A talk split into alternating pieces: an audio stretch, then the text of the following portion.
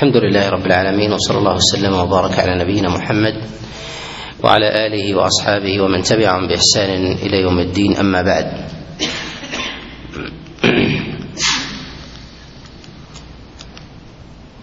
فنتكلم بإذن الله عز وجل في هذا المجلس على شيء من الأحاديث المعلقة في احكام في أحكام المناسك. أول هذه الأحاديث هو حديث جابر بن عبد الله عليه رضوان الله يرويه عنه أبو الزبير محمد بن مسلم عن أبي عن جابر بن عبد الله قال اراه أو أحسبه. قال رسول الله صلى الله عليه وسلم أو وقت رسول الله صلى الله عليه وسلم لأهل المدينة ذي الحليفة ولأهل اليمن يلملم ولأهل نجد قرن ولأهل الشام الجحفة ولأهل العراق ذات عرق. هذا الحديث أخرجه الإمام مسلم رحمه الله في كتابه الصحيح من حديث ابن جريج عن أبي الزبير عن جابر بن عبد الله. وهذا الحديث ذكر فيه أن الذي وقت ذات عرق هو النبي صلى الله عليه وسلم ولكنه جاء ذلك بالشك فقال في الرواية أحسبه. وجاء في غير الصحيح قال أراه. يعني أن النبي صلى الله أن الرفع فيه شك إلى رسول الله صلى الله عليه وسلم. وهذا من المواضع التي أعلها الإمام مسلم وهو قد أخرجها في كتابه الصحيح. يعني أن الإمام مسلم رحمه الله يخرج حديثا في كتابه الصحيح ثم يعله. وقد أعله رحمه الله في كتابه التمييز. وهذا الحديث الصواب فيه أنه أنه منكر. ومسلم إنما أخرجه مبينا لعلته وذلك أنه أخرجه في كتابه الصحيح متأخرا بعد أن أورد أحاديث المواقيت بعد أن أورد حديث عبد الله بن عباس وعبد الله بن عمر وعائشة وغيرها ثم أورد بعد ذلك حديث جابر بن عبد الله من هذا الوجه بعد أن أورد قبله رواية روح. عن ابن جريج عن أبي الزبير. وليس فيها وليس فيها ذات عرق. مما يدل على أن الإمام مسلم رحمه الله إنما أورد ذلك معلا له في كتابه الصحيح. وهذه الرواية في قوله احسبه جاءت بالشك. جاء صريحا من غير شك عند الإمام أحمد رحمه الله في كتابه المسند من حديث عبد الله بن لهيعة وجاء عند ابن ماجه في كتابه السنن من حديث إبراهيم بن يزيد. كلهم يروونه عن أبي الزبير عن جابر بن عبد الله عن رسول الله صلى الله عليه وسلم أنه وقت من غير شك. وعلى هذا فقد تابع عبد الله بن لهيعة. وإبراهيم بن يزيد بن جريج في روايته على هذا الحديث ولكن من غير شك. ولكن هذه المتابعة فيها نظر وذلك أن المتابع مروي بالشك أصلا. مروي بالشك أصلا. كذلك أيضا فإن المتابع ضعيف. فإبراهيم بن يزيد متروك الحديث.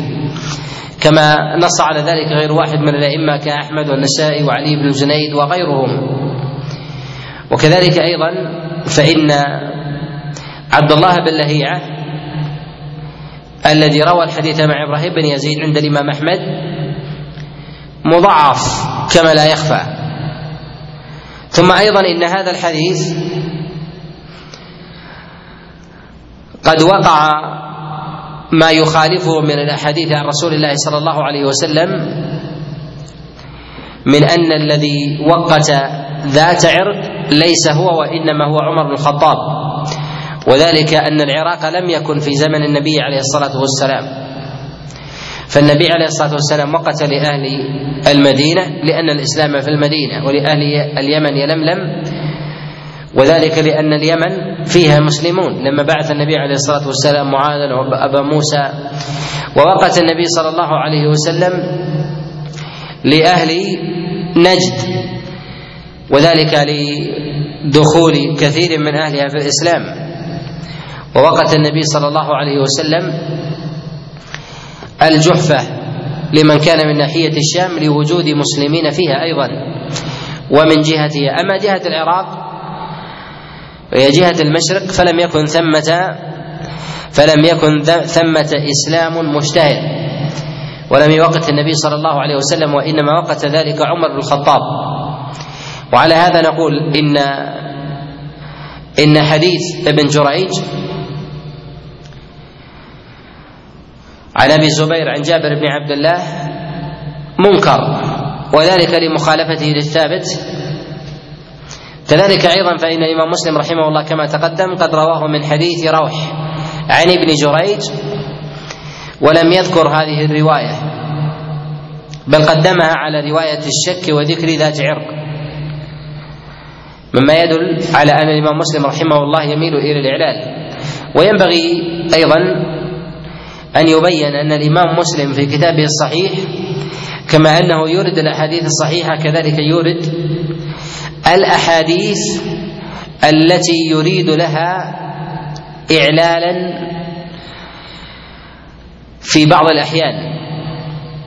وليس هذا هو الغالب من صنيعه. وإن كان في كثير من الأحيان يصدر في أول الباب الحديث الذي يعتمد يعتمد عليه من جهة لفظه. وينبغي أن يلتمس في ذلك طريقة الإمام مسلم بسبرها كذلك أيضا بالنظر إلى أحكامه. الإمام مسلم له كتاب التمييز وله كتاب الكنى وفيها أحكام. ينبغي أن يرجع إليها لمعرفة منهج الإمام مسلم رحمه الله. في أبواب العلل كذلك أيضا فيما يخرجه فيما يخرج له من الرواة وما يرويه أيضا من أحاديث. وكذلك أيضا في طريقته في المقدمة فإنه بين منهجه في ذلك. الحديث الثاني هو حديث عبد الله بن عمر عليه رضوان الله أن رسول الله صلى الله عليه وسلم وقت لاهل العراق ذات عرق. وقت لاهل العراق ذات عرق. وهذا الحديث رواه الدار قطني في غرائب مالك من حديث عبد الرزاق عن مالك عن نافع عن عبد الله بن عمر به. وهذا الحديث تفرد به عبد الرزاق عن الإمام مالك.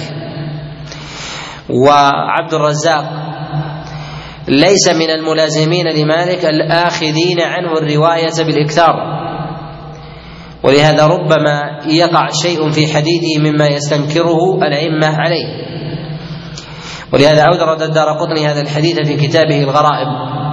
يعني المروية عن مالك وليس المراد بذلك أن مالك أغرب فيها وإنما رويت عنه وهي غريبة من أصحابه الثقات. وعبد الرزاق قد بين الدار قطني أنه قد تفرد بهذا الحديث كما في كتابه الغرائب فقال تفرد به عبد الرزاق عن مالك. كما لا يخفى فإن عبد الرزاق يمني جاء إلى المدينة وأخذ عن إمامها مالك شيئا. والإمام مالك لم يخرج من المدينة إلى شيء من الآفاق ليأخذ الحديث ولا ليبلغه. وإنما كان يقيم في المدينة ويذهب رحمه الله إلى مكة. وما عدا ذلك فان فان ما يؤخذ عنه إنما هو بالمدينة. وقد ذكر بعض العلماء إلى أن الإمام مالك رحمه الله قد كتب هذا الحديث ثم محاه. كما قال ذلك عبد الرزاق قال بلغني أن مالكا محاه. وفي هذا إشارة إلى أن عبد الرزاق ربما أخذه من مالك ومالك يحتمل أنه جعله جعله عن عمر فظنه عبد الرزاق مرفوعا فأزاله مالك لورود اللبس على بعض النقلة فيه ويحتمل أيضا أن عبد الرزاق ظنه كذلك أنه مرفوع إلى رسول الله صلى الله عليه وسلم وهو ليس كذلك. ويحتمل أيضا أن عبد الرزاق أن مالك ربما بيضت له نسخة من كتابه فوضع فيه هذا وحدد به القلة من غير الملازمين له. وذلك كعبد الرزاق مثلا وإلا لا يعرف من أصحاب الإمام مالك رحمه الله من نقل عنه هذا الخبر. وذلك لأن الإمام مالك الإمام امام أهل المدينة وهو من ابصر الناس بعمل الخلفاء الراشدين. فإنهم يتوارثون مثل مثل هذه الأمور خاصة ما يتعلق بأمور أركان الإسلام. يقول ابن صاعد رحمه الله يقول قرأ علينا أو قرئ علينا كتاب المناسك للإمام لعبد الرزاق فلم نجد هذا الحديث فيه. يعني أن عبد الرزاق قد شطبه أيضا. أن عبد الرزاق قد شطبه شطبه أيضا. وأن عبد الرزاق تبع فيه الإمام مالك. وهذا كما لا يخفى أمارة على نكارة مثل هذا المروي. وقد رواه إسحاق بن راهوية مرسلا عن عبد الرزاق. رواه مرسلا عن عبد الرزاق عن الإمام مالك عن نافع عن عبد الله بن عمر كما في كتابه المسند. وهو غريب جدا. ومعلوم أيضا أن إسحاق إنما روى هذا الحديث مرسلا عن عبد الرزاق ولم يسنده. فربما أخذه من كتاب أو نحو ذلك. وعلى هذا نقول إن هذا الحديث منكر من هذا الوجه. وقد جاء من وجه آخر جاء من حديث محمد بن جعفر كما رواه الإمام مسلم كما رواه الإمام أحمد رحمه الله في كتابه المسند من حديث محمد بن جعفر عن شعبة عن صدقة بن يسار عن عبد الله بن عمر أن رسول الله صلى الله عليه وسلم وقت لأهل العراق ذات عرق. وهذا الحديث في ظاهر إسناده أنه صحيح. ولكن أيضا ذكر ذات عرق فيه وهم وغلط. وذلك أن محمد بن جعفر مع ثقته قد تفرد بهذا الحديث عن شعبة. وخالفه في ذلك أبو داود الطيالسي كما في كتابه المسند فروى هذا الحديث عن شعبة به ولم يذكر ذات عرق فيه. كذلك أيضا فإن شعبة بن الحجاج قد توبع عليه عن صدقة بن يسار ولم يذكر ذات عرق. كما رواه أحمد في كتابه المسند من حديث جرير ابن عبد الحميد وسفيان بن عيينة وسفيان ابن عيينة كلاهما عن صدقة بن يسار عن عبد الله بن عمر ولم يذكر ولم يذكر ذات عرق. وهذا يدل على أن الحديث ليس في حديث عبد الله بن عمر أصلا. وقد أخرج أبو نعيم في كتابه الحلية من حديث جعفر بن برقان عن ميمون بن مهران عن عبد الله بن عمر أنه قال أخبرنا أصحابنا أن رسول الله صلى الله عليه وسلم وقت لأهل العراق ذات عرق. وهذا الحديث قال في أبو نعيم في كتاب الحلية قال هذا هذا إسناد صحيح ثابت لا نعرفه إلا من حديث جعفر. وهذا لمن تأمله ليس بثابت. فإن جعفر في تفرده بهذا الحديث لا يحتمل منه التفرد عن ميمون بن مهران عن عبد الله بن عمر. وذلك أن جعفر بن برقان ليس من المكثرين بالأصول من الأصول ولا يقبل الأئمة رحمهم الله له مثل هذا التفرد ولهذا نقول إن خبره ذلك منكر. والصحيح في حديث عبد الله بن عمر أن الذي فعل ذلك فعل ذلك عمر. وذلك أنه روي عن عبد الله بن عمر رواه عنه جماعة رواه سالم ابن عبد الله بن عمر ونافع وابن دينار كلهم يرونه عن عبد الله بن عمر ولا يذكرون فيه ذات عرق. وهذا يدل على أن هذا لا يحفظ عن عبد الله بن عمر بنسبة ذات عرق للنبي صلى الله عليه وسلم. كذلك أيضا فإن نافع رواه عنه أوثق أصحابه ولم يذكر ذلك بل ذكر خلافه أن الذي وقت لهذا هو عمر بن الخطاب. فقد روى ذلك البخاري من حديث عبيد الله ابن عمر العمري. عن نافع عن عبد الله بن عمر. فذكر أن الذي وقت هو عمر بن الخطاب. وتابعه على ذلك يحيى بن سعيد القطان. وتابعه على ذلك يحيى يحيى بن سعيد الأنصاري وابن عون كما رواه أحمد في كتابه المسند. عن نافع عن عبد الله بن عمر. وجعلوا أن الذي وقت ذلك هو عمر بن الخطاب. وهذا الذي قد اعتمده البخاري في كتابه الصحيح فإنه أخرج هذا من حديث عبيد الله ابن عمر عن نافع عن عبد الله بن عمر. قال لما فتح هذان المصران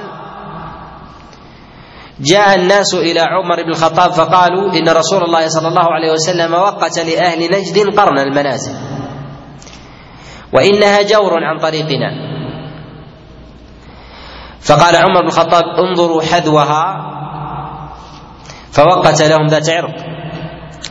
وهذا يدل على أن ذات عرق أصلا لم تجعل ميقاتا وأن الإسلام لم يعرف وأن الحج لم يأتي من العراق إلا بعد بعد وفاة رسول الله صلى الله عليه وسلم. واعتماد البخاري لهذه الرواية إشارة إلى تضعيف غيرها مما جاء في هذا الباب وهذا منهج معلوم للبخاري رحمه الله. ولهذا نقول إن ذكر ذات عرق في حديث عبد الله بن عمر عن نافع لا يعرف لا يعرف إلا من رواية عبد الرزاق عن مالك وهو غريب. وقد محاه عبد الرزاق ومالك. كذلك أيضا من حديث صدقة بن يسار. لا يعرف إلا من حديث محمد بن جعفر عن شعبة عن صدقة بن يسار عن عبد الله بن عمر. ورواية جعفر بن برقان عن ميمون بن مهران عن عبد الله بن عمر. تفرد. ولا يحمل الحفاظ مثله. الحديث الثالث. وحديث عائشة عليها رضوان الله أن رسول الله صلى الله عليه وسلم وقت لأهل العراق ذات عرق. هذا الحديث رواه الإمام أحمد وأبو داود وغيرهم من حديث أفلح بن حميد. عن القاسم بن محمد عن عائشة. عن رسول الله صلى الله عليه وسلم. وهذا الحديث مما يستنكر على أفلح بن حميد فهو مع ثقته وصدقه إلا أنه تفرد بهذا الحديث عن القاسم. والقاسم له أصحاب كثر كبار. أجل من أفلح وأوثق. ولهذا أنكر هذا الحديث عليه يحيى بن سعيد القطان. كما نقل ذلك الإمام أحمد رحمه الله قال أنكر يحيى القطان على أفلح حديثين ولم يحدث بها عنه. وذكر منها حديث ذات عرق. وقد أنكر عليه ذلك أيضا الإمام أحمد رحمه الله هذا الحديث. ويرويه عن افلح المعافى بن عمران. وقد سئل الإمام أحمد عن كون التفرد أن يكون من ابن عمران قال لا ثقة. وكأنه لما رأى مكانته حمل على من دونه يعني أفلح ابن حميد.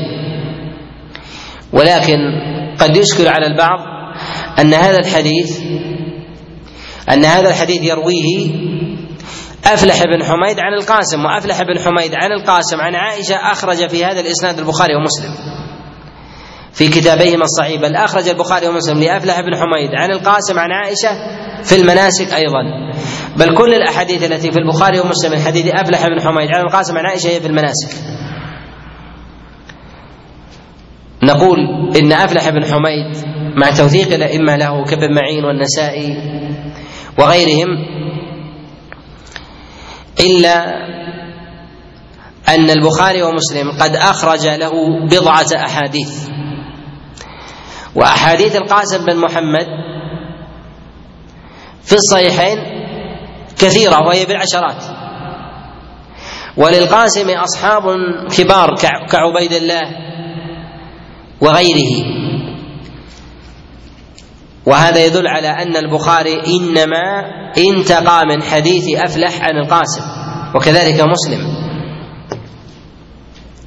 وينبغي أيضا أن نبين أن البخاري ومسلم أخرج لأفلح عن القاسم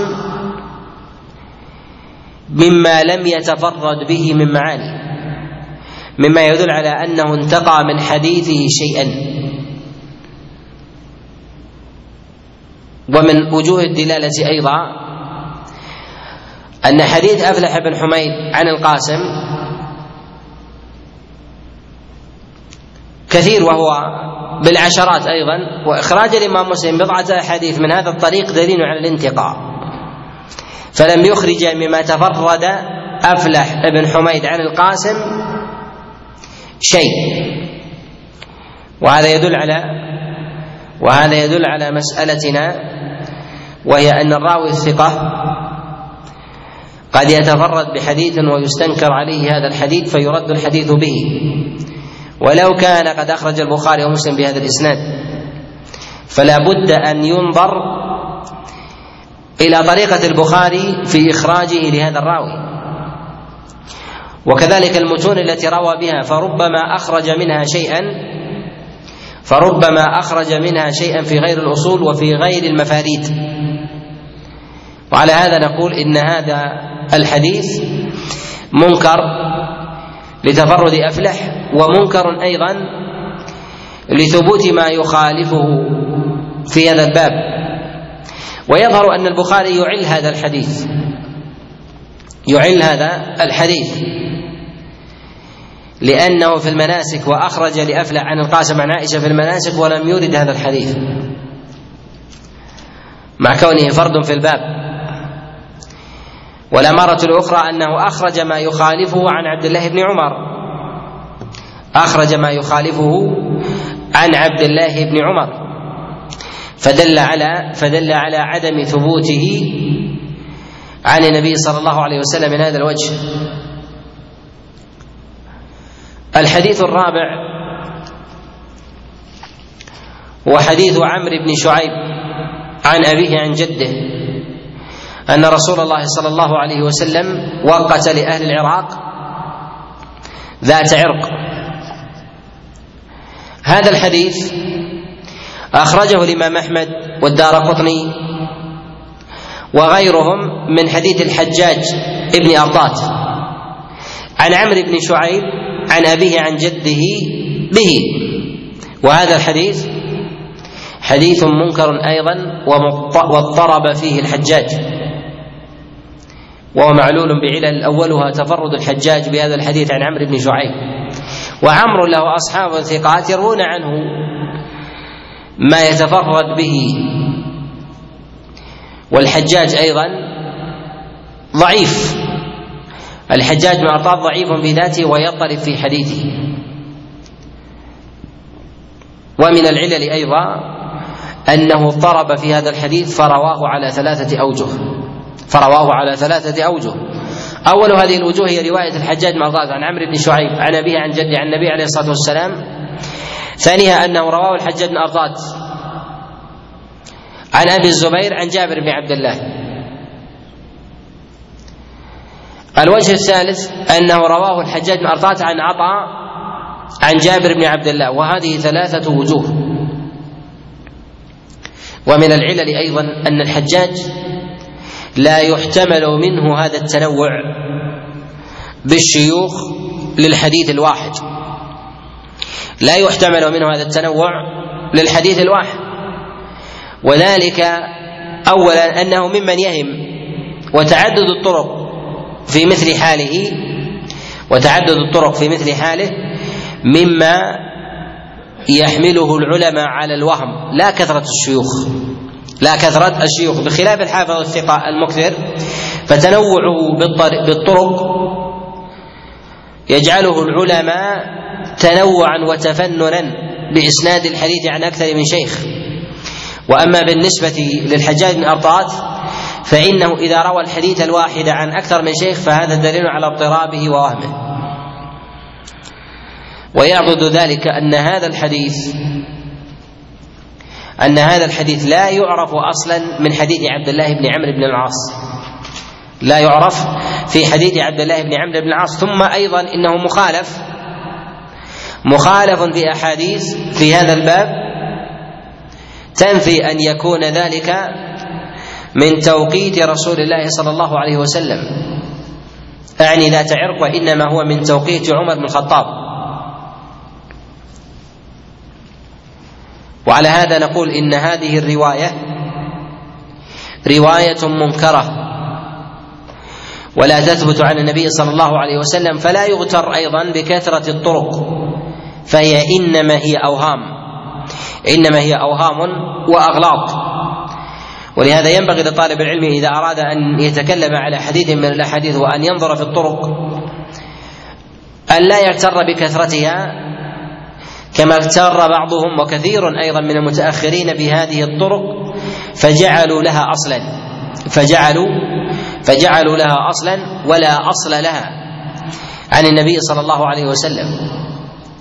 وربما وجدت فظنوها من المواقيت. وجدت في زمنهم فأدرجوها في أبواب الرواية. فبعضهم أفردها وبعضهم جعلها متضمنة للحديث الذي جاء عن النبي عليه الصلاة والسلام في توقيت المواقيت في توقيت المواقيت المعلومة الواردة في حديث عبد الله بن عباس وغيره. كذلك أيضا تنكب أهل الأصول لمثل هذا الحديث من أمارات إعلاله. من امارات من أمارات إعلاله. وإخراج الدار قطني رحمه الله له أيضا من قرائن الإعلال فإنه يورد في كتابه السنن ما يستغرب ويستنكر. الحديث الخامس حديث عبد الله بن عباس عليه رضوان الله أن رسول الله صلى الله عليه وسلم وقت لأهل المشرق العقيق. هذا الحديث رواه الإمام أحمد في المسند وأبو داود وغيرهم من حديث يزيد بن أبي زياد عن محمد بن علي بن عبد الله بن عباس عن عبد الله بن عباس عن النبي صلى الله عليه وسلم أنه وقت لأهل المشرق العقيق. العقيق. اولا هي جهة المشرق والمشرق العراق. ومعلوم أن عمر بن الخطاب وقت ذات عرق ولم يكن لأهل العراق شيء. والعقيق هي أبعد من ذات عرق. ومن جاء من العراق فيمر بالأمرين بالعقيق وبذات عرق. فإذا قلنا إن النبي صلى الله عليه وسلم وقت لأهل المشرق ذات عرق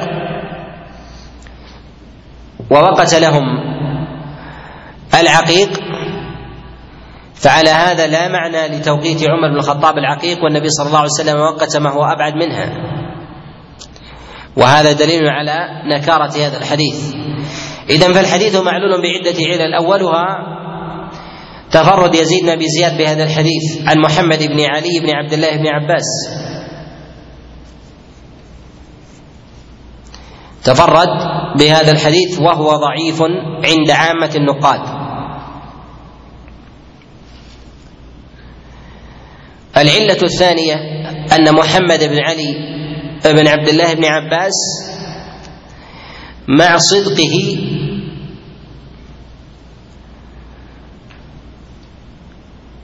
إلا أن له مناكير. ومر معنا في العلل حديث استنكر عليه. ما هو يا أحمد؟ نعم. محمد بن علي بن عبد الله بن عباس.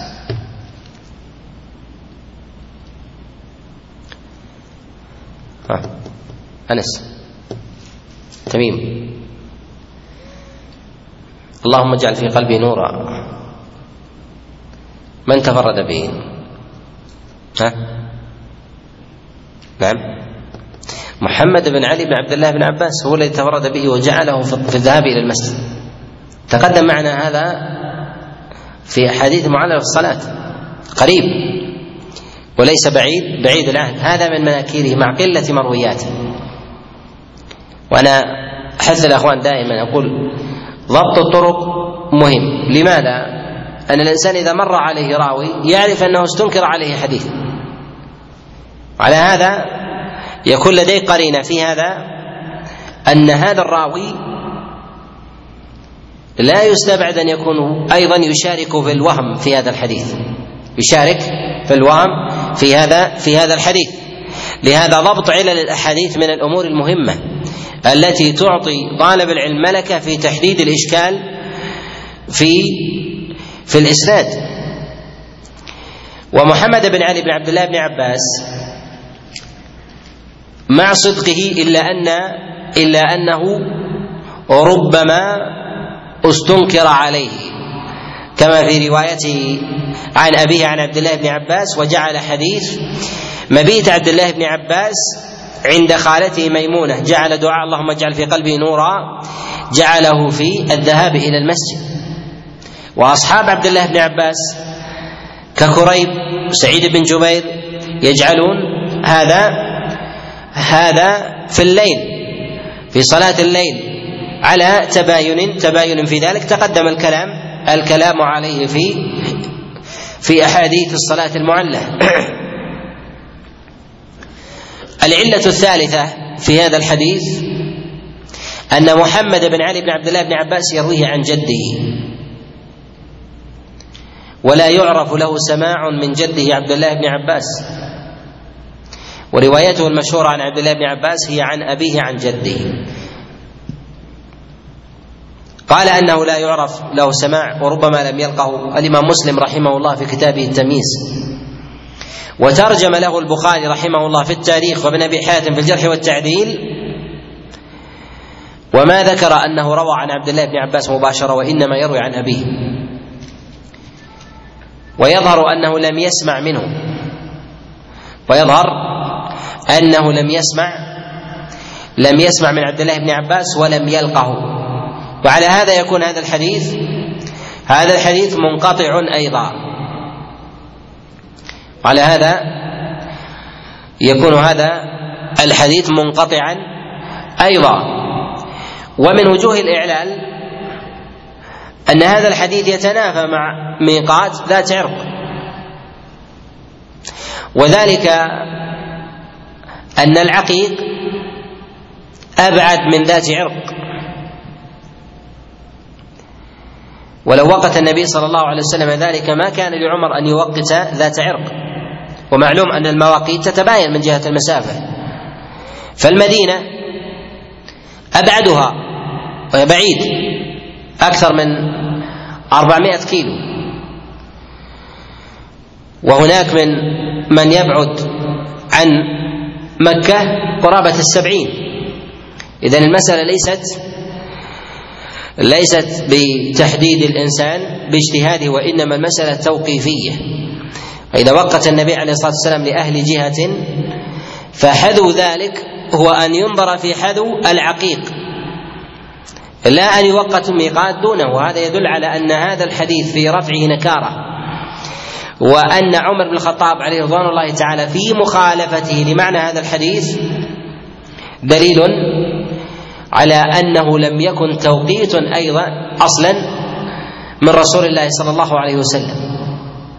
وإن كان جاء خبر عند الطبراني من حديث أنس بن مالك في التفريق بين العقيق وذات عرق أن العراق متسع وهذا لناحية وهذا للمدائن وذاك للبصرة وما وما نحوها إلا أن هذا الحديث مطروح أيضا إلا أن هذا الحديث مطروح أيضا. وما جاء في المو في توقيت ذات عرق عن النبي عليه الصلاة والسلام أحاديث أخر معلومة معلولة. جاء من حديث أنس بن مالك وجاء من حديث الحارث بن عمرو السهمي وجاء من مرسل عطاء وكلها لا يحتج بها وكلها لا يحتج بها. يقول ابن المنذر رحمه الله لا يثبت عن رسول الله صلى الله عليه وسلم في ذات عرق حديث. وكذلك قال ابن خزيمة رحمه الله كما في كتابه الصحيح. قال لا يصح في ذلك عن النبي صلى الله عليه وسلم شيء. وهذا الذي مال إليه غير واحد من الأئمة كالشافعي وأحمد وغيرهم. فإن الشافعي أورد من حديث طاووس بن كيسان في كتابه الأم أن الذي وقت عمر ثم قال ولا احسبه إلا كما قال طاووس. يعني أنه ليس من فعل عمر بن الخطاب من فعل النبي عليه الصلاة والسلام وإنما من فعل عمر بن الخطاب عليه رضوان الله تعالى. الحديث السادس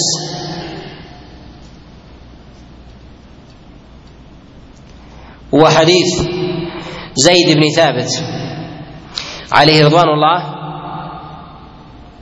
أنه قال تجرد رسول الله صلى الله عليه وسلم لإهلاله فاغتسل. هذا الحديث رواه الترمذي في السنن ورواه البيهقي. قبل ذلك الإمام أحمد رحمه الله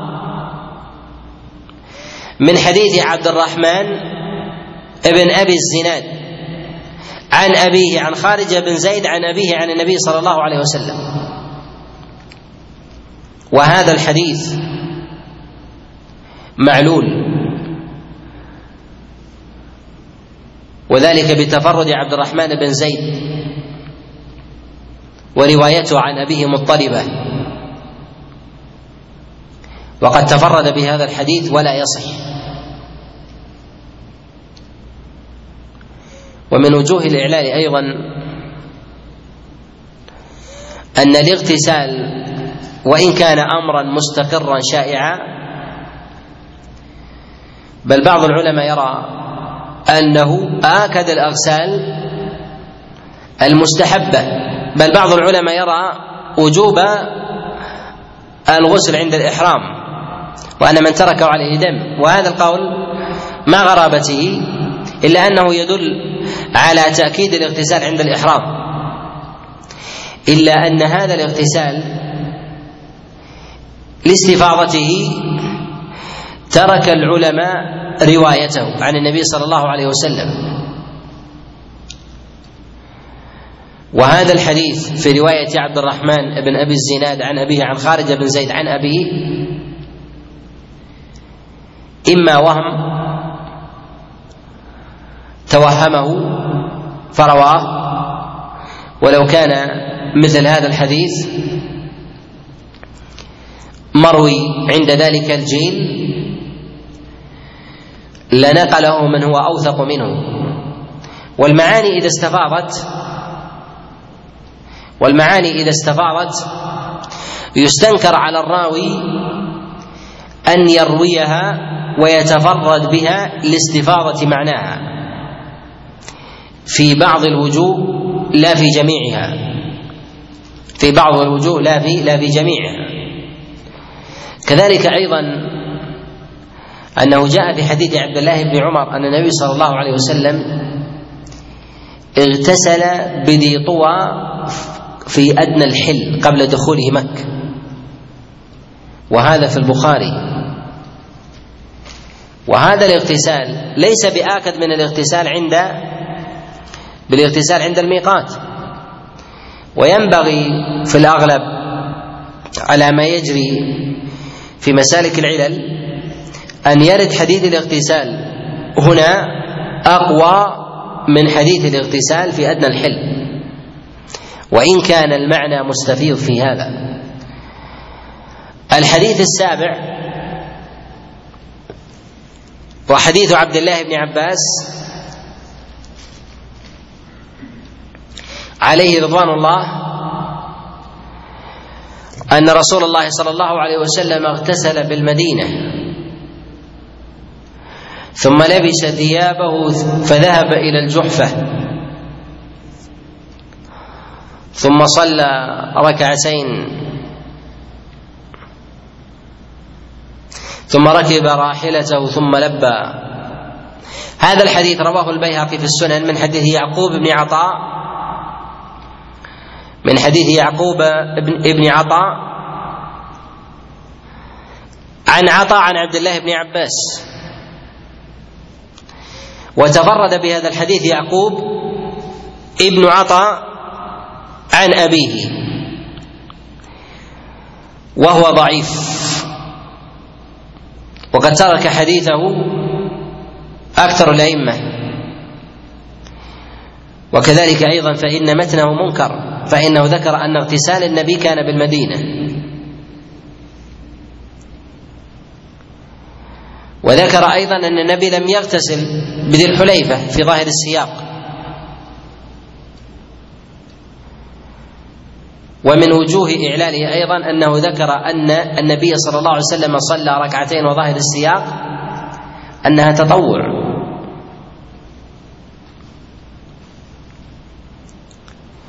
وهذا كله من مفاريد يعقوب بن عطاء عن أبيه. ولهذا أنكر عليه الأئمة رحمهم الله هذا هذا الحديث. وثابت عن النبي صلى الله عليه وسلم مما هو مستفيض أنه صلى صلاة الفريضة قصرا ثم أهل عليه الصلاة والسلام. كذلك أيضا فإن من المستفيض أن الاغتسال عند الميقات سنة. جاء هذا في حديث بكر بن عبد الله المزني. أنه قال من السنة أن يغتسل المحرم عند إحرامه. وهذا يدل وهذا يدل على نكارة متن حديث يعقوب بن عطاء عن أبيه عن عبد الله بن عباس. ومن وجوه النكارة أيضا أن هذا الحديث قد تنكب الأئمة إخراجه. تنكب الأئمة إخراجه مع الحاجة إليه لو ثبت. خاصة وأن راويه من كان ملازما للنبي صلى الله عليه وسلم وهو عبد الله بن عباس. ولا يثبت عن النبي صلى الله عليه وسلم صفة في اغتساله عند الميقات. وإذا لم يثبت أصل الاغتسال فإنه لا تثبت صفته أيضا. أو لم يرد إن كان العلماء يجمعون على على استحباب الاغتسال عند عند الإحرام. نكتفي بهذا القدر ونكمل غدا بإذن الله بإذن الله تعالى.